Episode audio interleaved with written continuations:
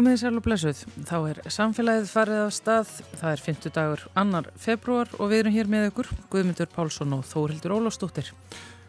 Það satt var því í morgunblæðinu núna fyrir í vikunni að miklar vonir væri bundnar við nýja aðferðið að greina krabbamenn af mikillir nákvæmni með blóðpröfu.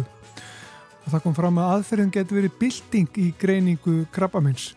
Við ætlum að ræða á eftir við Sigurdís Haraldsdóttur, hún er yfirleiknir krabbamesslækninga á landsbítalanum og dósent við Háskólu Íslands. Við ætlum að tala við hana um öra þróun í aðferðum til að greina og skýma eftir krabbamennum.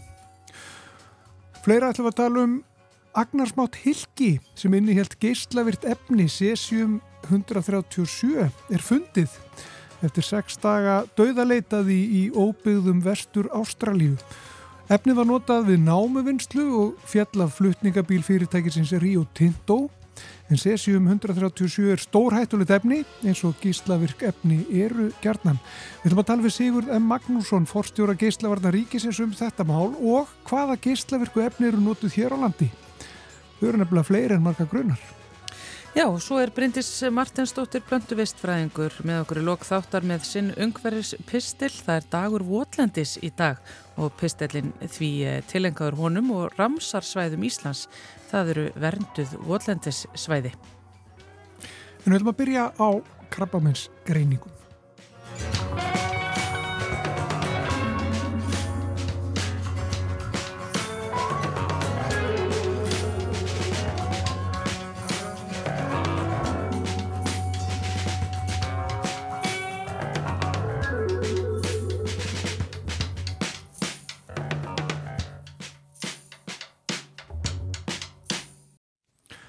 greiningum. þá er hún sest hérna hjá okkur Sigurdís Haraldsdóttir eh, yfirleiknir krabbamellleikninga og landsbytalanum og dósent við Áskóli Íslandsvertu velkomin til okkar. Þakkaði fyrir. Já, við rákum nú augun í þessa umfjöllun í, í morgunblæðinu um, nýjar aðferðir við greiningar á krabbamennin og þarna er verið að greina krabbamenn í bara með blóðpröfum e, og við fórum að velta fyrir okkur sko uh, hvernig þessi próf eru og er verið að Já, sér uh, fólk fram á bara bildíku í, í greiningum og krabamennum. Þetta verið miklu einfaldar og nákvæmara en, en nú er. Já, ég held kannski áður með förum út í þetta tiltekna prófa þá er, er sko, eru absolutt spennandi tímar framundan. Og á undan förnum árum að þá hafa Ímis próf verið í þróun um, og þessi blóðpröf þau, þau gang út af það að greina lífran efni í blóði sem að krabbaminsfrömmur geta gefið frá sér. Og, og það eru þá efni eins og erðaefni eða uh, prótein eða metilerað erðaefni og, og krabbaminsfrömmur og ef maður fer svona yfir þetta felti að þá má ég að skipta þessu í svona þrjá flokka með þróun þessara prófa Sko í fyrsta lagi eru blóðpróf sem eru nótu til að fylgja eftir hvernig sjúklingum vegna sem eru með krabbamein og eru á meðferð og hvernig þá krabbameinið er að breðast við meðferð. Ég myndi segja að það sé svona lengst komið í, í rannsóknum og það farið að nota það úti í allan að völdum tilfellum til að fylgja eftir hvernig gengur á meðferð. Nú annar flokkurinn snýrað að sjúklingum sem hafa farið í skurðaðgerð, það er búið að fjarlæga krabbameinið og það, nú er verið að rannsaka hvort hægt sé að nota blóðpróf til að fylgja fólki eftir. Þannig hvort að greina snemma endur komu eða ákveða hverjir þurfa að fá lifja meðferð eftir skurðaðgerð. Og þar eru gríðarlega spennandi rannsóknir í gangi til dæmis á ristilkrabbameini. Og, og þetta er ekki komið í almenna nótkunn en, en maður sér fyrir sér að getur komið á næstu árum. Já Og svo þriðji flokkurinn sem að þetta tiltekna próf sem umræðir snýr að er skimun almennt fyrir krabbameinum sem er þá í, í einstaklingum sem eru án einkenna. Og, og ég myndi segja að það eru greiðilega spennandi rannsóknir í gangi og maður sér fyrir sér og vonar að þetta verði að raunveruleika. Um, en ég hugsa að við séum svona allavega allavega 5 til 10 árum frá því að geta fara að setja þetta í almenna nótkunn. Já, en er þá, eh, já, eru þá þessi próf, eh, eru þau þá gagslur eða hvað? Getur maður, getur maður spurt þannig? Já, já, það er góð spurning og þetta, eh, hérna það sem að það er verið að setja þetta próf að marka hérna á Íslandi að þá, þá þurfum við að ræða, ræða þetta tiltekna próf og hvað fólk gæti fengið út úr, út úr því og sko í þessu próf er verið að mæla sem sagt krabbamins frumur eða leita krabbamins frum í blóði og Eh, sko við teljum auðvitað að það þurfi, það sé bara ekki nógu mikið rannsóknum að baki því að fara að marka að setja þetta próf fyrir almenning hér á landi. Og hvað á ég við, jú svona skimun og próf þau þurfa að, þau þurfa að fara í gegnum rannsóknir þar sem að fólki er slempiraða, það er þessi einkennalösu fólki og síðan fer fólk annarkort í prófið eða ekki eða fer í hefbundar skimanir og svo fylgir maður fólki eftir og sér hvernig þessi próf standa sig og, og þetta tiltekna próf hefur ekki farið í gegnum slíka rannsók. En það eru próf og kannski sérstaklega spennandi í Breitlandi að það eru próf sem að nefnist eh, greilprófið og, og e, brettar, heilbyrðiskerfi þeirra NHS opnaði rannsókn hérna fyrir einu og hálfu ári. Þeir tóku inn 140.000 einstaklinga á nýju mánuðum. Þetta er met í, í, í hraða þess að fá fólk inn í, inn í rannsókn. Og þeir eru núna að, að nota þetta til tekna greilpróf, um, þar sem fólk fer í blóðpröfu árlega í þrjú ár og svo fólk, fólki fyllt eftir í sex ár. Og semst, helmingur hópsins fer í þetta blóðpróf, hinn helmingunum fer í hefðbundna skimanir og þetta býðu eftir niðurstöðum e, úr, úr þessar rannsóknum verður mjög spennand að sjá um, hvernig þetta gengur og ég mun auðvitað vilju við, vilju við ekkit fremur en að geta skimað fyrir fjölda krabba meina með einu blóðprófi. Það er bara við býðum, býðum spennt eftir þeim degi og verðum bara tilbúin til að taka þetta upp þegar að því kemur. Já, og er það lítur út fyrir það, það verði innan, innan eh, margra ára? Mér finnst það mjög líklegt, já, og það gæti orðið hérna og innan við áratug. Já. En ef við ræðum svo aðeins þetta, þetta tiltekna próf sem er verið að marka setja að, að sko, fólk náttúrulega getur, getur haft samband við þetta fyrirtæki og þá er, er tekið úr því blóðprófu hún sendu út en við auðvitað höfum áhyggjur af því að sko fyrir að fyrsta ef að fólk fengi jákvæða niðurstöðu úr þessu prófi að þá, þá vitum við það að sko, slíkar niðurstöður gætu verið falst jákvæðar. Það er að segja við myndum fara í uppvinnslu, við færum að senda fólki í myndgreiningar, mögulega taka síni einhverjum, eh, frá einhverjum stöðum sem auðvitað geta valdið skada og ég tala ekki um hvíða, sitja uppi með jákvægt próf.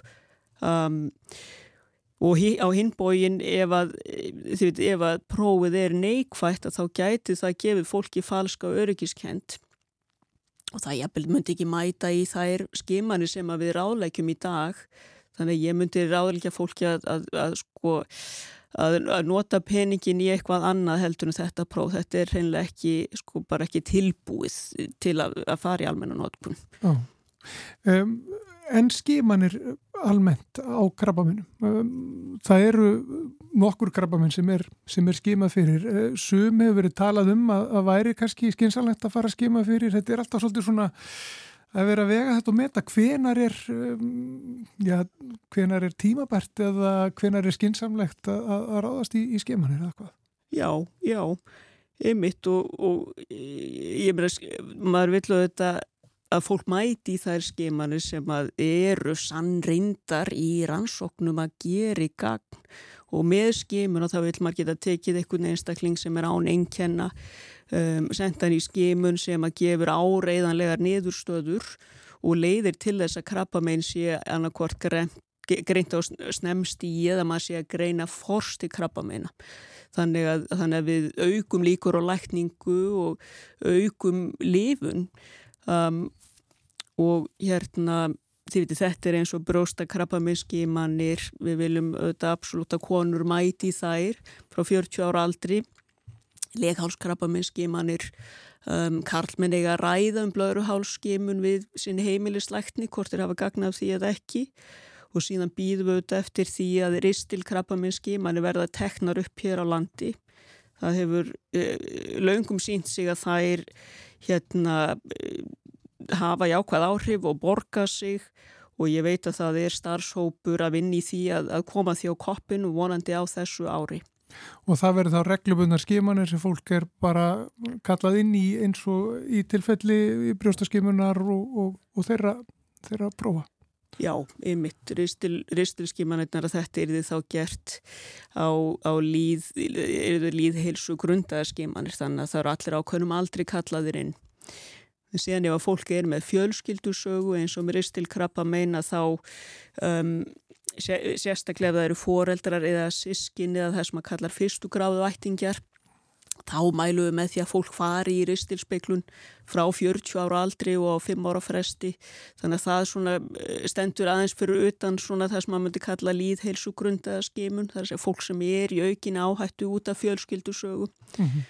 Og ég myndi hitt sem ég myndi nefnir að arfberar heilkenna eins og brakka eh, stökkbreytinga eða linsheilkennist það er að segja fólk sem er í aukin áhættu út af genastökkbreytingum að það þarf að vera í alveg sér prógrami og í eftirliti hjá okkur og er þá samvendalækningsfræði til landsbítalans og, og bróstameðstöðvarinnar.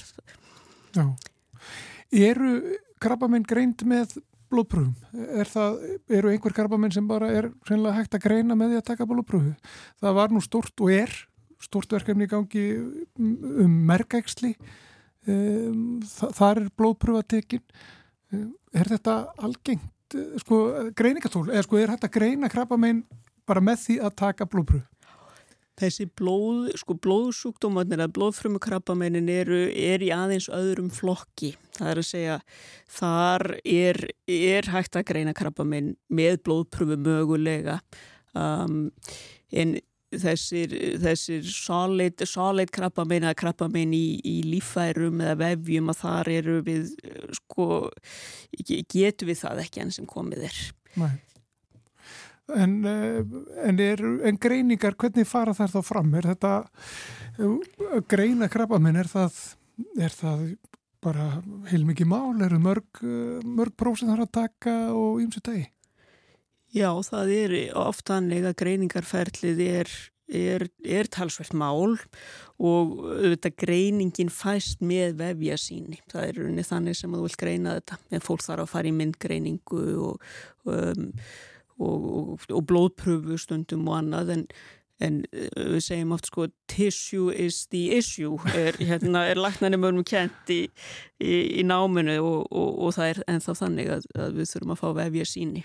Já til að greina krabbamein. Hvernig hefur þróunni verið í, í, í greiningum? Eh, eru, hafa verið tekinn svona stór skref eða er þetta, hefur þetta verið svipa bara í, í mörg, mörg ár? Er eitthvað að gerast svona alveg nýtt ef við, ef við höldum hérna blóðpröfunum aðeins til þér? Mm -hmm, akkurat, ég myndi, ég myndi segja það að það er mjög, hafa verið mjög spennandi tíma núna síðastliðin ára tug og, og, og kannski hvað greiningar varðar að þá sko getum við núna með sameindaransóknum flokkað krabba minn betur og áttuð okkur betur á því hvað meðferðir gætu gagnast vel og þar sko þar er landslæðið allt öðruvísi heldur en fyrir áratug eða 15 árum um, og, og við hefum bara miklu fleiri meðferðir sem að gagnast vel í dag Já. Að þú vorum að tala um um þessar blóðpröfur, maður sér sko núna um, til dæmis bara í apotekum sko að það eru komin alls konar sjálfspróf sem að, sem að voru bara ekkert í, í, í bóði það er, það er náttúrulega hérna, streftakokkapróf og það eru COVID-prófin náttúrulega og það eru fíknefnapróf og þungunapróf og þetta er alls konar próf sem að og blóðsíkurspróf og það er alls konar sjálfspróf sem að hafa komið mikið undafarið það er þetta líka þetta sko taka taka síni og senda í einhvers konar erðaransóknir sko, erlendis. Mm. þetta eru bara pakkar upp í hillu sko, sjálfspróf e, e, er þetta getu, er svona sko, einhver tegund af skimun og, og er þetta framtíðin að fólk getur fara út í apoteku og keift bara ég hefur segja tekið lítinn dropa á, á blóði og greint jafnvel krabba minn í framtíðinni? Já, já, stórt er spurt og ég, ég skal svo sem ég, ég veit það ekki, það er alveg möguleik að það verði eitthvað tíman framtíðin En, en er það æskilegt? Það er, það, er, það er aftur annar mál og ég held að það er mikilvægt að, að það sé ykkur fag aðili sem að haldi utanum svona uppvinnslu til að þetta er þetta áfall fyrir fólk að fá, fá jákvæða greiningu og ég tala ekki um ef fólk fær að fara í svona blóðpróf og fá jákvæða niðurstöðu. Því það í sjálfur sér myndi ekki greina krabbamennu, þú þarfst að fylgja þessu eftir, þú þarfst að finna út því þá hvaðan þetta er að koma og ef að fólk er með jákvæð blóðpróf en svo finnst ekkit á myndgreiningu um, að þá er við vandastöld og, og fólk náttúrulega hviðið eða lefur því. Já. En að minnstakosti þetta tiltakna próf sem að, sem að við vorum að ræða hérna í upphafi, þetta próf sem að fjallaðum í, í morgablæðinu, þú uh, ert ekki alveg á því að það sé tilbúið og það eftir eh, svona, já, spítalinn eftir til dæmis ekki að fara að notfara sér þetta próf. En svo er þetta aldrei svona gefið í skina eftir að gera í, í þessar grein. Akkurat, þetta er ekki tilbúið, þetta er ekki, þetta er ekki rétti tímin, við þurfum frekar rannsóknir og fólk ætti fremur að nota þennan pening í að kaupa sér hlaupahjól eða þau veitu kort í rættina uh, hugsa um áhættu þættina sem við getum haft áhrif á sem geta dreyið úr uh, áhættu og krabbameinum mm -hmm. og hérna en við auðvitað fylgjum spennt með uh, frettum og rannsóknum ég held að það séu mjög spennandi tímar framöndan Já Við skulum bara ljúka þessu þannig Sigurdís Haraldsdóttir eh, yfirleiknir krabbaminsleikninga á landsbítalanum og dósendu Háskólu Íslands. Takk fyrir komuna í samfélagið. Takk fyrir.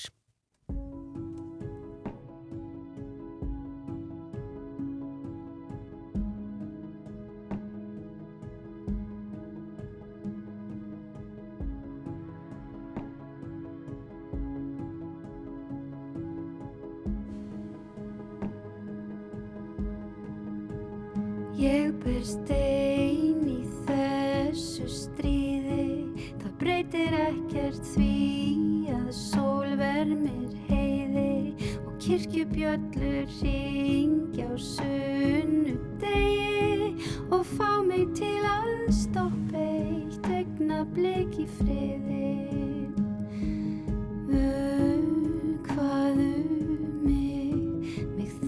faldur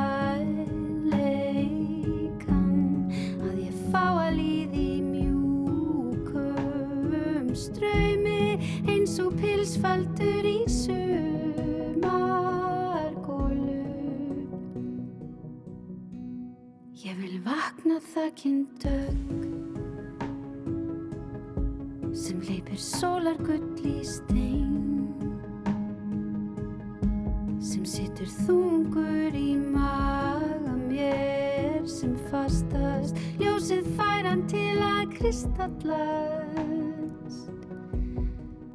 endur speiklar hlýjum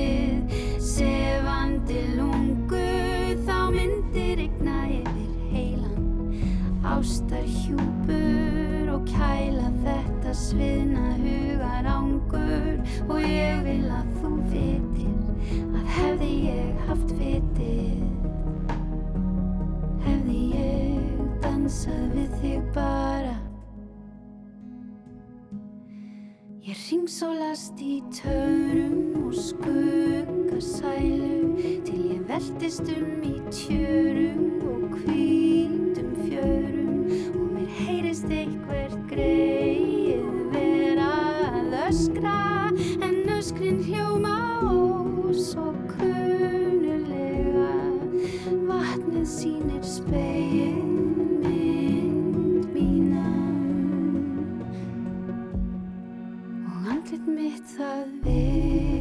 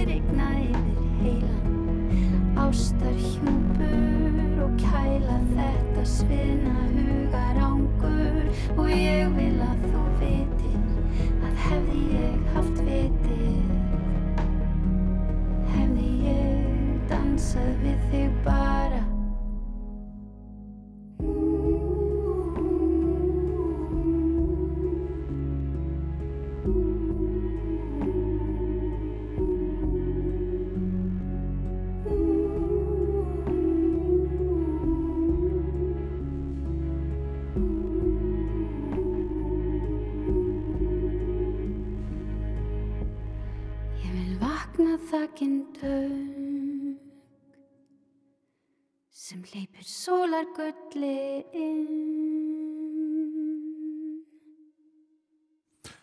Þetta er Emiliana Torini og uh, lag sem heitir Vertu Úlfur, lag úr samnefndri leiksýningu. En uh, þá ætlum við að tala um uh, þetta, já, dulafulla mál, minnstu kosti mjög áhugaverða mál sem var í fréttum núna á dögunum. Um, þegar Agnar smátt Hilgi týndist og þetta Hilgi innihjalt geislavirt efni Cesium 137 agnarsmátt þetta hilki pínulítið, bara eins og, eins og bön en um, það var gert döð að leita þessu hilki það týndist þarna í, í óbyggðum vestur Ástralíu og fannst. Það fundið eftir nokkur að daga leit um, við fórum að velta fyrir okkur hvað þetta er Cesium 137 hvað gerðist þarna, var hægt á ferðum hann er sestur í okkur Sigurður M. Magnússon fórstjóri Geislavarnar Ríkisins, verður velkomin Já, þakka þið fyrir. Vitu við hvað gerðist þarna? Já, við höfum nú svona nokkuð sko góða mynd af því. Eh, Það virðist vera þetta mælitæki sem var nota hérna í námagrefturunum. Það vill þannig til að þú getur nota geislun til þess að finna mismunandi þjettleika og í námarekturi þá er það gríðarlega mikilvægt. Þú vilt, vilt, það er einhver málmur, í þessu tilfelli játgríti sem er verið að vinna og þá er hægt að nota geislununa til að finna mismunandi þjettleika. Þannig að þú getur rakið þig áfram í berginu hvar er mest að þessu játgríti. Eh, Þetta tæki virðist hafa bilað og átt að senda það til viðgerðar 1400 km í burtu. Við erum að tala um vegalengd eins og þú væri að fara frá Washington í Bandaríkjónum og niður til Orlando. Eh, Tækið hefur væntanlega verið tekið í sundur og sett saman aftur. Skrúurnar ekki hertar nægilega vel að þegar það séðan gengið frá tækinu í kassan sem að það er flutti að þá, ég gef mér þetta séu einhverjir vegatróningar og mikill hristingur að þá bara hristist allt í sundur og tækið, tækið opnast og, og, og, og þessi litla lind sem er á, á starfið sko græna bön bara uh, dett, dettu niður á veginn. Já, Hafandi sagt þetta að þá er náttúrulega líka rétt að taka fram sko að það gilda mjög strángar öryggiskröfur um fluttning á geislaverkum efnum og það er farin á stað rannsókn til þess að kanna hvort það hafi verið farið eftir öllum reglum og stöðlum sem um það gilda. Það eru samrænda reglur um fluttning á geislaverkum efnum allstæðar í heiminum og það er sín, rætur sínar að, að rekja til allþjóða kjarnarkomálastofnarnar. Þeir voru mjög hefnir í raun og veru að finna lindina að finna geislaverk efnið sko svona fljótt því aðal áhyggjurnar voru að ef það hefði sagt, bara dottið á veginn svo hefði komið þarna bíll og það hefði fest í hjólpurðunum bara farið, farið eitthvað út í buskan. og hinn áttina já, já. En, en hvernig finnst svona? Þetta pínulítið og, og, og þú mátt ekki fara úr nálægt í það er hættulegt. Sko, þetta er, þetta er agnarsmátt, við getum bara að hugsa okkur sko græna bönn, en það sem er að þetta efni Cesium 137, það sendir frá sér tiltölugu öfluga gammagislun sem að er tiltölugu einfalt að mæla. Þannig að það sem er gert í svona tilfelli, það er að það kemur uh, sérhæfður, uh, mælitæki og búnaður sem hægt er að setja í bíla og síðan er bara kert fram og aftur Þannig að mér skilst að það hafi verið þarna tveir, tveir, tveir bílar sem voru notaður í jafnvel fleiri og þeir kerðu annað kerðu áfram og semst fóru sitt hver áttina og, og þannig var hægt að sjá aukningu á gislunni. Það er þannig að það er gislun í öllu okkar baku, öllu okkar baku hérna umhverfi og öllu bakgrunni hvort sem okkur líka betur að vera. Já. Það er geyslun sem er meðal annars kemur úr, úr hérna, heimingemnum og eru leifarnar frá því þegar að hérna, stóru kvellur var. Það eru geyslaverkefni í örlitlum mæli í jarðskorpunni og svo erum við sjálf með örlítið að geyslaverkum efnum frá náttúrunar hendi í líkamannum. Það er að segja kalin 40 og þetta veldur því að það er allstaðar einhver geyslun en það er sem er tiltölulega einfalt að mæla með þartilgerðum mælitækjum. Síðan kemur til viðbóta hlutur eins og þessi sésin lind sem við getum sagt að sé manngert geyslavertefni að það er fundið eins og ég segi, bara með því að vera með mjög næm mælitæki og yfirlegt þegar við erum að leita svona þá voru oft verið með mælitæki sem gefa svörun sko já, nei er geyslunum að aukast eða ekki og síðan ef það er einhver aukning þá er komið með sérhæðari mælitæki sem getur sagt til um á hvaða, hvaða orka, sagt, hvaða orku hefur geyslunum sem við erum að mæla mm. og þá er þetta að finna hvaða efni þetta var og í þessu tilfelli að þá vildi svo heppilega til að það var til til að auðvelt að sjá merkinguna á böninni þannig að það er staðfest að efnið er fundið og það er komið í öruga vörslu. Hversu hættulegt er þetta efni fyrir fólk? Í miklu magni er það stórhættulegt og í litlu magni er það, er það, er það ekki hættulegt. Það er þannig að Sessin 137 drauðist um allar jarðir þegar var verið að gera tilröðinu með kjarnavopni í andrúsloftunum í kringum 1960. Þannig að það er í öllu okkar, öllum okkar kjarna, umhverfi í eh, einhverju magni. Síðan eftir tjernobilslýsið, eða við tjernobilslýsið, þá fór gríðarlega mikið að Sessinni út í andrúsloftið Sésin hefur líka verið losað frá kjarniðnaðinum, frá Sellafield, það hefur komið í. Þannig að það eru þó nokkuð margar uppsprettur að Sésinni og það er, er, er í öllu okkar umhverfi og í litlu magni þá skiptir það litlu máli en í miklu magni þá er það stórhættulegt. Já, og hvað er mikið magn? Það er morgunsunum meira heldur Marga en var. Marga bönir? Já, sko þú, eh, við getum tekið sem dæmi að 1987 þá var gíslaslýs í Brasilíu. Og það gerðist þannig að það var heilsugjastlustöð, heilbriði stofnum sem var ekki í nótkun og stóð bara auð, að þar var brotist inn til þess að reyna að finna málma sem var eftir að selja í brotajátn og þar var stort og mikið lækningatæki sem var tekið sundur á einhverju leitu og þjóðvarnir tókuða með sér heim og, og síðan sem sagt notuður hamra á sleggjur til þess að, að, að, brjóta sem sagt tækið upp og til þess að geta setta í svona viðráðanlegri búta sem verður eftir að selja og það bara vild því miður þannig til að þetta var uh, lækningatæki, það hefur verið notað til við krabnaminsmeðferð. Í því var ein lítil bön, kannski svo litið stærri en bönin í Ástralíu og hún innihjalt þúsund sinnum meira af þessu geyslaverkefni heldur en bönin í Ástralíu mm -hmm. og uh, málalegtur urðu þær að það voru fjóru einstaklingar sem dóu og kostnaðurum við hreinsunar aðgerðirnar var mörg, mörg hundruð miljónir. Já. Þannig að uh, þetta getur gerst þegar við erum að tala um gríðarlega mikið magn. Já. Hvað er notað af svona efnum hér á Íslandi. Þú nefndir uh, lækningatæki núna uh, í Brasilíu en, en uh, eru svona slíktæki í nótkunn hér á Íslandi og er, eru geyslaverk efni í nótkunn í einhverju magni? Í þinnaði til dæmis? Já sko, geyslaverk efni eru nótuð víða. Þau eru nótuð í læknisfræðinni til dæmis ef að, ef að það þarf að kanna hvernig, eitthvað, hvernig ákveðin líffræði líffæri virka þá þá er þetta að gefa þér einn gæstlægurt efni sem að sapnast fyrir í viðkomandi líffæri og þá er þetta að sjá hvernig, hvernig, hvernig hérna líffærið virkar. Uh, Geislaverkefni eru líka notuð í, krabbamins meðferð með margvíslegum hætti. Geislaverkefni eru notuð við ímsar rannsóknir og geislaverkefni eru líka notuð í yðnaði. Það er til dæmis hægt að mæla raka í stíplugörðum með því að nota geyslun. Það er hægt að nota mæla asfaltmagnið í malbyggi. Það er hægt að nota geyslaverkefni til að stýra ímsum ferlum sem byggjast á því að það er verið ákveðin hæð, svona við hæðarmælingar. Það er svipað eins og í hérna Ástralju þar sem við varum mæla sko þjertleikan. Við sjáum fyrir okkur flöskur og færibandi að, að ef að geyslunum fyrir gegnum loft í staðin fyrir vögva mm -hmm. þá sagt, er hægt að nota það til að stýra færiböndum.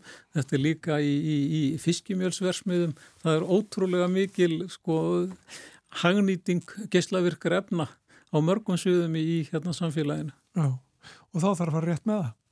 Þá þarf vantilega að fara rétt með það? Já, já, það er, sko, það, það er þannig að það er gríðarlega mikið og strámt regluverk í kringum allt sem að er geyslavirt og það eru alþjóðlega reglur sem gilda um það og allar reglur, lög og reglur hér á landi taka, taka mið af þessum alþjóðlegu viðmiðunum sem eiga rætur sinna að rekja til alþjóða kjarnarkomálastofnarinnar og síðan til Európusambansis. Og hvernig er eftirliti háttað með meðferð á geyslaverkum efnum? Uh, eftirlitinu er þannig háttað að ef þú ætlar að flytja inn geyslaverkt efni þá þarf það að fá leiði frá geyslaverknum ríkisins til þess, þú þarf það að fá leiði til notkunnarinnar og síðan er reglubundið eftirlit með notkunninni þar að segja að það er farið á, á staðina þar sem hefur verið að nota efni, það eru gerðar ákveðnar mælingar Og, og svo framvegis og síðan þegar notkunninni líkur að þá er heilmerkið regluverk sem gildur um það sem við getum kallað eh, geyslavirkan úrgang.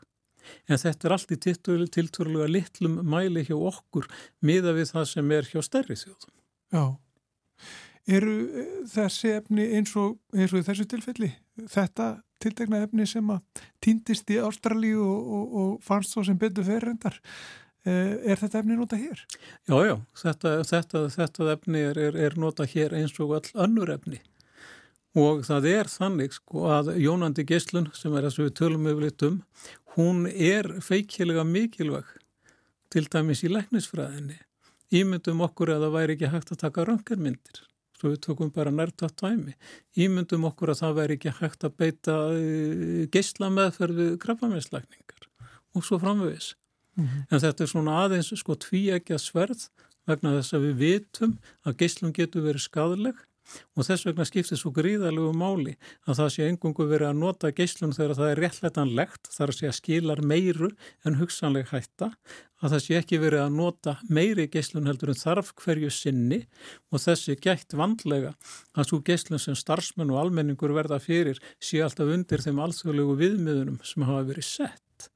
Já hafa hef, hefur ykkur tíma geyslavert efni týnst á Íslandi, svo þetta sé eða glemst eða ekki rætt á réttan stað? Það er eiginlega ekki hægt að segja sko að geyslaverk efni hafi týnst en það hafa kannski sko við erum að gera greinum en á því við tölum um geyslaverkefni þá erum við að tala um sko lokaðar geyslalindir, það er eins og litla baunin í, í Ástralíu og það er, er, er, er tölverkt að slíkum lindum í nótkun hér en það eru vilt allar mjög litlar. Og svo það sem við kvöllum opinn geyslaverkefni, það er eins og væri vögvi sem að væri geyslaverkefni og væri þá kannski sprautað í, í, í sjúkling til þess að kanna virkna ákveðin líffæris. Þannig að þetta, þetta er allt saman til hér. En þessar þær geyslalindir sem hér eru, þær eru allar tilturlega mjög. Já. Nefna náttúrulega þessar öflugulindir sem við verðum að nota við krabbmislagningarnar. Mm -hmm. En þú hefur ekki fengið símtalið hérna, heyrðu við týndum hérna Nei, ég hef ekki böng. fengið slíkt símtal en hins vegar hefur komið upp og það var sérstaklega hérna á árum áður að það kannski uppgötuðust lindir, gislalindir við eftirlit sem að menn vissi ekki af. Það eru svona sögulegir hlutir, það er talað um þetta sem legacy sources á ennsku og það er, það er ekkert óalgengt að, að, að geti gerst. En, en það er eitthvað sem að er sko í það litlum magni Já. og það skiptir í raun og veru ákvæmlega litlum máli. Við getum hugsað okkur að einhverstað þar sem erum að nota geyslalindir og þar voru fjórar geyslalindir og skrá. Svo bara komið ljósa að þar voru fimm en ekki fjórar. Mm -hmm og eitthvað verður eftir eitthvað staðar ha. og svo verður eitthvað bara eftir það, og, það, það, get, getur, það getur alltaf það getur alltaf gerst og það er stundum talað um munadarlausar geslalindir og það eru geslalindir sem að finnast, finnast og víðavangi eða bara eh, uppgötast allt í einn eitthvað staðar. Hvaðan koma þessi efni? Hvaðan koma, hvernig, sko, hvernig er útbúa út, menn svona geslalind? Sko geyslaverku efnin sem eru nótuð hér þau eru náttúrulega all flutt inn og það er ákveðin fyrirtæki sem að sérhæfa sig í, í þessari framleiðslu og það eru mjög strángar sko alþjóðlega reglur og viðmið sem gilda um framleysluna, gilda um allan sko frágang. Þannig að þetta er fluttinn og kemur inn þær lindir sem við erum að nota í læknisfræðinni, þær koma mest inn í gegnu, koma í flugi til landsins. Já, en hvert er efnið sótt? Hver... Efn, efnið er, hvert, hvert sækja versmiðunar efnin? Já, Það er með, með, með ímsum hætti, þau eru búin til í, hérna við uh, kjarnakvörf íminnskonar og með ímsum hætti. Já. Er, er eitthvað að breytast, er tæknin eitthvað að breytast þegar kemur að nótkunnu þessum efnum? Já, tæknin er eiginlega að breytast, sko, það er alltaf að koma fjölbreyttari og fjölbreyttari nótkunnar möguleikar í læknisfræðinni. Því hefur flykt gríðarlega fram. Og það er ákveðin tilneying til þess að ef þú getur valið á milli að vera með geyslatæki þar að segja eins og rangantæki eða tæki sem gefur frá sér öfluga geyslun eða nota geyslavirt efni þá notar þú frekar geyslatækit því að það bara geyslar þeirri kvekt á því og það er í sambandi en geyslavirka efni það er alltaf geyslavirt þannig að það er ákveðin tilneying að minka notkununa á þeim og það tengist líka auknum umhverfiskröfum það tengist auknum kröfum um meðferð og geyslavirkum úrgangi og þetta er líka spurning um, bara reynlega spurning um peninga. Það er mjög dýrt að vera að nota geyslavirk efni sérstaklega í því magni að það falli til geyslavirkur úrgangur sem þarf síðan kannski að geima í ár hundruð eða ár þúsundir. Já. En svona eins og baunin sem við byrjuðum að tala um hérna sem týndist í Ástralju. Einn svona baun geistlar hún frá sér bara stöðugt uh, yfir, hvað, er, bara erum við að tala bara mjög langan sko, tíma? Það, það er þannig að öll geistlaverkefni þau eigðast hægt og bítandi. Það er talað um eðlisfræðilegan helmingunatíma. Þannig að í, í tilfelli sésins þá getum við sagt að það er ykkur 35 ár að, að þá sem sagt, þú byrjaði með þúsund einingar eftir 35 væri 500 eftir og svo aftur mm -hmm. eftir 35 þá væri konur í 250 mm -hmm. en svo er aftur önnur efni sem að því miður eru með helmingun og tíma í sko ár þúsundum efni svo ratjum Já. en það er sem betur fyrir ekki, ekki, ekki, ekki notað, notað lengur á neinu marki, nokkur staðar En var notað í hvað? Það var notað, notað við krabbaminslækningar hér og árum áður Jáhá eru þessi efni sem eru notuð uh, hér til dæmis og í yðnaði og, og heilbyrðisþjónustu og þessu sem við höfum verið að nefna, lækningatækjum þessu, eru þessi efni mjög mishættuleg? Uh, sko, geyslunum frá þeim er mjög mismikil Sum geyslur eins og geyslun frá baunin í Ástralíu að hún er orgu mikil og drýfur tiltrúlega langt. Önnur geyslun, það er svo kvöldur gamma geyslun, síðan getur verið önnur hérna getur verið geyslun sem að drýfur sko mjög skamt sem hún getur stoppað til dæmis með, með hérna papírsbladi. Mm -hmm. Og uh, þannig að það er allur, allur, allur gangur á því. Oh. Og síðan er spurningu um sko eitt er svo geyslun sem verður fyrir svona það sem við kallum ytri geyslun, það er geyslun sem verður fyrir frá hérna geyslaverkefni sem að er utan líkamanns en síðan ef þú færð geyslaverkefni í líkamann með einhverjum hætti að þá maður náttúrulega myndi það geysla líkamann stöðugt á meðan að það er í líkamannum en, en þau efni hreinsast sem betur fyrr út og þá er talað um líffræðilegan helmingunatíma. Jáhó. En sko, ég veit við getum nú ekki farið mjög djúft í þetta og þetta er svo sem ekki, ekki alveg kernlustund í eðlisfræði en, en, en önnur geyslun sko sem við verðum fyrir. Um, það er við erum alltaf að verða fyrir einhvers konar geyslun bara hér inn að sita hér umkringt öllu þessum tækjum og svo framhans Nákvæmlega, nákvæmlega, sko Við vorum að gera greinum en á því sko þessi tæki sem eru hér, það er fyrst og þess bara rafsegulsvið sem eru í kringum þau. Mm. En þegar við erum að tala um geyslun í því samhengi við sko bönina í Ástralíu og annað, að þá er það alveg rétt. eins og ég sagði áðan, þá er geyslun í öllu okkar umhverfi. Það er gemgeyslunin og hún er heldur meiri þú ferð upp til pólana heldur en við miðbúkjarðar og hún ekst líka þegar þú ferð að herra upp. Þess vegna stundum verið að fjalla um geyslun sem að flug áhafnir verða fyrir. Síðan eins og ég sagði aðan sko að það eru geyslaverk efni aðeins í, í hérna yfirborðu jarðar í berggrunnum. Og það er mismikið og þar sem það er mikið, þar er stundar hérna námugröftur. Það vil þannig til að berggrunnurinn á Íslandi að, hérna, að hann er mjög snöyður Hann er basalt, yfirleitt basalt og er mjög snöyður af náttúrulegum geyslaverkum efnum miða við til dæmis við granit sem er ríkjandi við á Norðurlöndum. Og, og þessu getur fyllt geyslaverka loftegundin radon sem að sapnast fyrir í húsum, kemur upp úr jörðinni. Og radon er mjög lítið á Íslandi. Þannig að ef maður vegur þetta allt saman saman að þá er bakgrunnsgeyslun á Íslandi, hún er mjög lág miða við það sem er í öðrum löndum. En því til viðbútar kemur það sem við getum kallað manngerðagislunin og nótkun gislunar í helbriðiskerfinu hér er mjög sambarleg við nótkun gislunar í helbriðiskerfi annara þróara landa. Þannig að gislálaði sem þjóðin verður fyrir vegna nótkunnar í helbriðiskerfinu í raun og veru er meira en, en hérna það sem við getum kallað sem bakgrunns gislálaðið. Já, við þurfum að setja punkt hér. Uh, Gaman að fá því heimsókn Sigurður R. Magnússon. Takk fyrir kjærlega. Eh, Fórstjóri Geistafannar Ríkisins. Takk kjærlega fyrir þetta.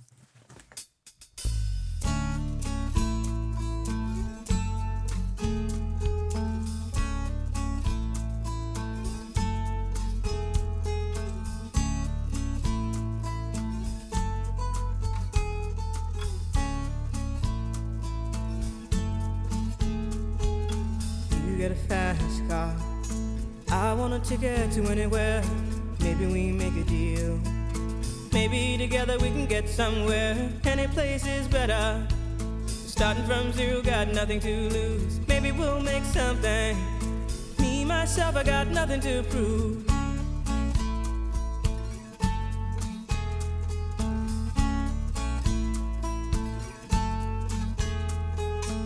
You got a fast car. I got a plan to get us out of here. Been working at the convenience store. Managed to save just a little bit of money. Won't have to drive too far. Just cross the border and into the city. You and I can both get jobs and finally see what it means to be living.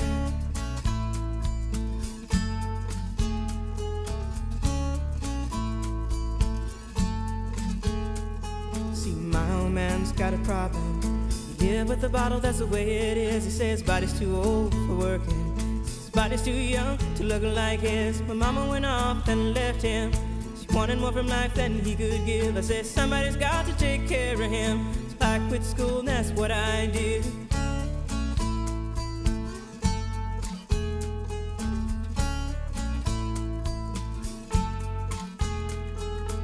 You got a fast car. Is it fast enough so we can fly away? We gotta make a decision. Leave tonight or live and die this way.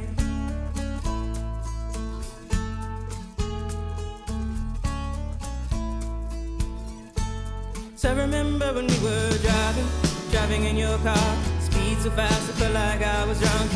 City lights lay out before us, and your arm felt nice wrapped around my shoulder. And I, I had a feeling that I belonged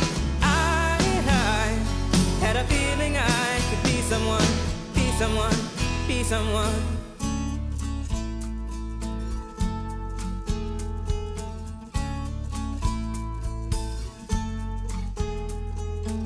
You got a fast car. We go cruise and entertain ourselves. Still ain't got a job. Now work in the market as a checkout girl. I know things will get better. You'll find work and I'll get promoted we'll move out of the shelter buy a bigger house and live in the suburbs.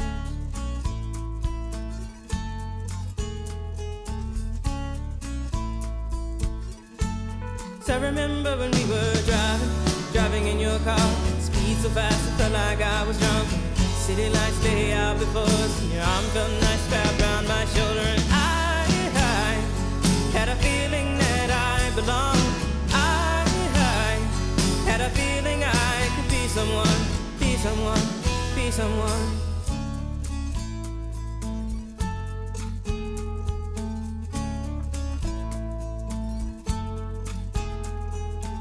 You got a fast car.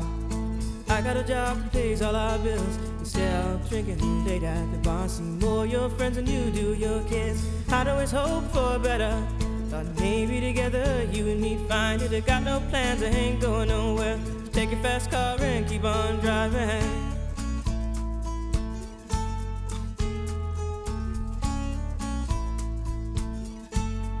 I remember when we were driving, driving in your car. Speed so fast, I felt like I was drunk. City lights lay out before us, and your arm felt nice wrapped around my shoulder. And I, I had a feeling that I belonged. I, I had a feeling I could be someone, be someone, be someone.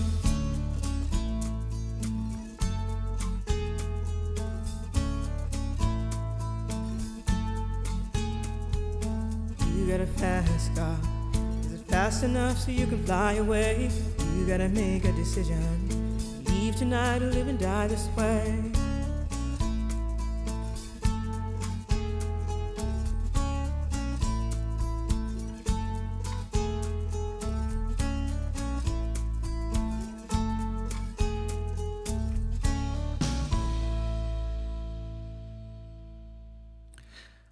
Þetta er Tracy Chapman með lagið Fast Car. En þá komið að ungverðspissli hérna hjá okkur í samfélaginu, fastur leður á fymtudögum og hann er að þessu sinni í höndum Bryndísar Martinsdóttur Plöndu Vistfræðings. Í dag an...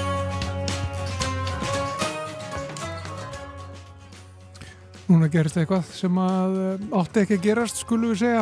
Það var bara hreinlega vittlust takki sem var ítt á.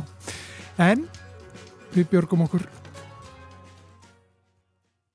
Í dag, annan februar, er alþjóðlegu dagur votlendis. Þennan dag árið 1971 var Ramsar-samningurinn undirritaður í borginni Ramsar í Íran. Hann er alþjóðlegur samningur um vend votlendis og er fyrsti alþjóðasamningurinn um náttúruvend og sjálfbara nýtingu öðlindana. Votlendi, samkant skilgringu Ramsar-samningsins, eru mýrar, flóar, fen og vötn bæði náttúruleg og tilbúin og sjór alltaf 6 metra dýpi. Þannig má sjá að undir ramsarsáttmálunum getur votlendi verið fremur fjölbreytt. Árið 1971 skrifiðu átján þjóðir undir samningin en í dag eiga 172 þjóðir aðildað honum. Ástæður þess að samningurum var gerður voru áhyggjur af hnignun stopna margra votlendisfugla miðal annars vegna þess að stöðugt var verið að raska búsvæði þeirra. Aðal áherslan í vinnu Ramsar skrifstofunar hefur verið að venda þau votlendisvæði sem eftir er í heiminum. Meiri áhersla hefur í setni tíð verið lögð á fræðslu um hvernig hægt er að nýta votlendisvæði án þess að raska þeim. Þar sem að fólk hefur orðið ljóst hversu mikla þýðingu votlendi hefur fyrir afkoma okkar. Vendun og skimsanleg nýting eru því likil hugtök í ramsasamningnum. Eitt af skiluðum samningsins er að löndin tilnemni og vendi votlendi innan þeirra marka sem hafa alþjóðlegt mikilvægi. Þau svæði sem enda á ramsar skráni njóta vissrar alþjóðlegrar vendar. Aðildaríkin tilnefna svæði á skrána og þurfa þau svæði að uppfylla ákveðin viðmið til að komast á hana. Meðal þess sem er skoðað er hvort ákveðin gerða votlendir sjálfgjaf á tilteknu svæði, hvort þar eru sjálfgjafar plöntur eða dýr eða hvort svæðin eru alþjóðlega mikilmæg með tilliti til fiskistofna. Einni þarf votlendið að vera búsvæði fyrir minst 20.000 votlendisfugla eða vera búsvæði fyrir meirinn 1% af ákveðnum fugglastofni. En þá telst að vera mikilvægt á alþjóðavísu. Alls hafa 2471 votlendisvæði verið vendun undir samningnum og samtals er flatamál þeirra 25 sinnum Ísland. Alþingi Íslendinga samþykti Þings álíktunar tillögu 4. mæ 1977 um aðild að samningnum og tók hann gildi hérlendis þann 2. april 1978. Þar með skuldbendu Íslendingar sig til að lúta ákveðum hans, svo sem að tilnefna votendisvæði á lista samningsins, stuðlaða skinsamlegri nýtingu votlendisvæða, stopna friðlönd á votlendisvæðum og taka þátt í alþjóðlegu samstarfi um votlendisvernd. Ramsarsvæð á Íslandi eru nú 6 talsins og þekja um 130 hektara sem er svona cirka 150 fótboltavellir.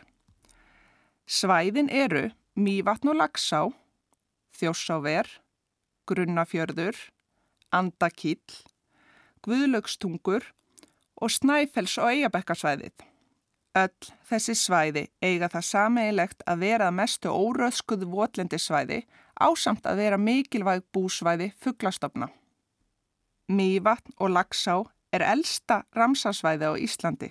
Svæði var venda með sérlögum árið 1974 og samþygt sem ramsarsvæði þremur árum setna árið 1977. Í Mývatni og Lagsá er einstakt lífriki á heimsvísu, enda er þetta eitt magnaðasta náttúrusvæði landsins. Jarðminjar á svæðinu eru einstakar og þar er mjög fjölbreytt fugglalíf. Þetta er einni alþjóðlega mikilvægt fugglasvæði því stór hluti anda sem hefur vetur dvöl á Breitlansegjum og í vestur Evropu á uppruna sinn á mývatni. Lengi vel var kísilgúr verksmiðja í vatninu sem talin var ógna lífríkunu en vinslu í henni var hægt árið 2004. Fyrirhugur er aukin orkuvinnsla á svæðinu en óttast er að þau áform geti haft slæm áhrif á lífríki mývats. Þjósaver urðu annað íslenska ramsasvæði árið 1990. Þjósaver hafa verið fríðlýst síðan 1981 vegna þess hversu einstök þau eru. Gróður vinjar á miðhálendi Íslands, afmarkaðar af jöklum og eigðu söndum. Alveg magna svæði. Þjósjaver urðu ramsasvæði þar sem að þar er að finna stærsta votlinda miðhálendi Íslands og þar eru mikilvægar varpstöðvar gæsa. Lengi hafa þó verið uppi hugmyndir um virkunar áform á svæðinu og eina ástæðan fyrir því að verin eru ekki að hluta til undir miðlunaróni má þakka mikilli og langri baróttu náttúruvendafólks. Þjósaver eru þó ekki óhullt en það eru enn uppi hugmyndir um virkjanir og miðlunarlón sem munu hafa áhrif á svæðið. Grunnafjörður var þriðja íslenska ramsasvæðið árið 1996 og það eina íslenska sem liggur að sjó. Fjörðurinn er norðaustur af Akranesi og liggur rétt við þjóðvegin.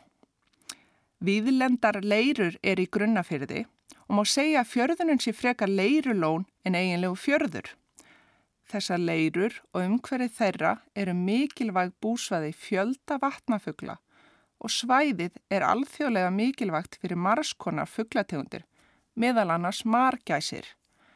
En um 25% margæsastopsins hefur viðkomi í grunnafyrði á ferðum sínum á vorin og haustin frá meginlandi Evrópu til heimskotasvæðana. Grunnafjörður hefur verið friðlýstur frá árinu 1994 og er svæðið friðland. Þó hafa verið hugmyndir um að færa ringvegin þannig að hann þveri grunnafjörð með tilheyrandi áhrif á lífriki fjörðanins. Þrjú seinustu svæðin urðu öll ramsasvæði þann 18. februar 2013. Í Andakíl á Kvanneyri er fjölbreytilegi votlendismikill og fjölmarka tegundir fuggla staldra þar við. Það er í farleið fuggla svo sem bleskæsar og fleiri tegunda sem hafa viðdvöðl á leið sinni til og frá varpstöðunum. Svæðið er einn af mikilvægustu viðkomustöðum bleskæsar hér á landi.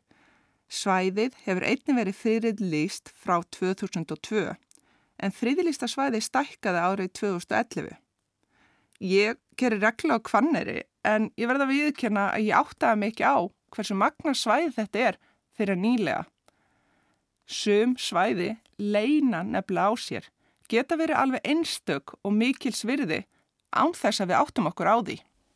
Guðlögstungur eru norðan Hofsjökuls gengt þjósaverum í söðri. Um er að ræða viðfemt votlendisvæði sem er alþjóðlega mikilvægt, engur fyrir þann fjölda heiðargæsa sem verpir á svæðinu og nýti það jafnframt sem fæðisvæði. Í Guðlaugstungum finnast einar stærstu rústamýrar landsins og er í raun eitt af fáum svæðum þar sem slíkar minjar finnast. Guðlaugstungur voru friðlýstar árið 2005. Eyjabakkar er fjölbreytt votlendisvæði millir Snæfells og Eyjabakka upp á fljótstal á Ísturlandi. Svæðið er alþjóðlega mikilvægt fyrir fuggla, engum vegna þess mikla fjölda gæsa sem fellir þar flugfjæðriðnar og nýtir svæði sem beitarsvæði á þessum viðkvama og mikilvæga tíma. Snæfells og Eyjabekkarsvæðið hefur verið innan vatlajökurs þjóðgars síðan 2008 og er friðlýst sem hlut af honum. Undir lok 20. aldar stóð til að sökva Eyjabökkum undir uppbyrtstöðu lónvirkjunar. Þrátt fyrir að vitað væri hversu magnað og mikilvægt þetta svæði er, fengust öll tilskilin leifi til virkjunaframtkvönda og líklega er ástæðan fyrir því að þeim var ekki sögt svo að virkjunin var á endanum ekki nógu stór til að standa undir orkuþörf álverðisins á reyðafyrði. Káranhugavirkun var því byggð í staðin. Þessi sex ramsasvæði á Íslandi eru hvert öðru ólík. Sum eru stórkostleg á að líta og önnu láta líti fyrir sér fara, en þau eru öll einstök og mikilvæg á alþjóðavísu. Svo mikilvæg að þau voru samþygt sem ránsasvæði. Mörg þessar svæða hýsa á einhverjum tíma árs stóran hluta af stopni ákveðinar fugglategundar. Röskun á þessum svæðum hefur því áhrif langt út fyrir Ísland og getur raskað viskerum á þeim svæðum sem fugglandi dveljast á þegar þau eru ekki hérlendis. Röskun á búsvæði fuggla er því ekki engamál þess land sem búsvæði eru í.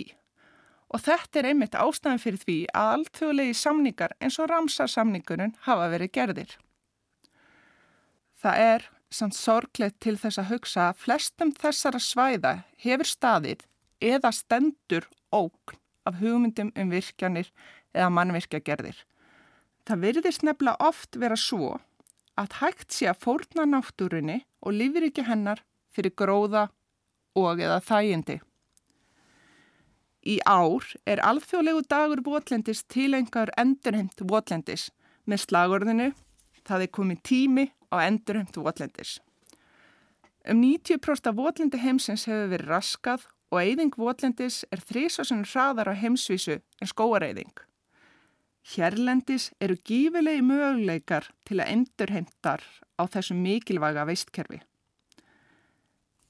og ríkið er jafnvel til í að leggja peninga í endurhendina í formi styrkja. En samt er mikil mótstað í samfélaginu við endurheimt og ekki fást svæðir til endurheimtar.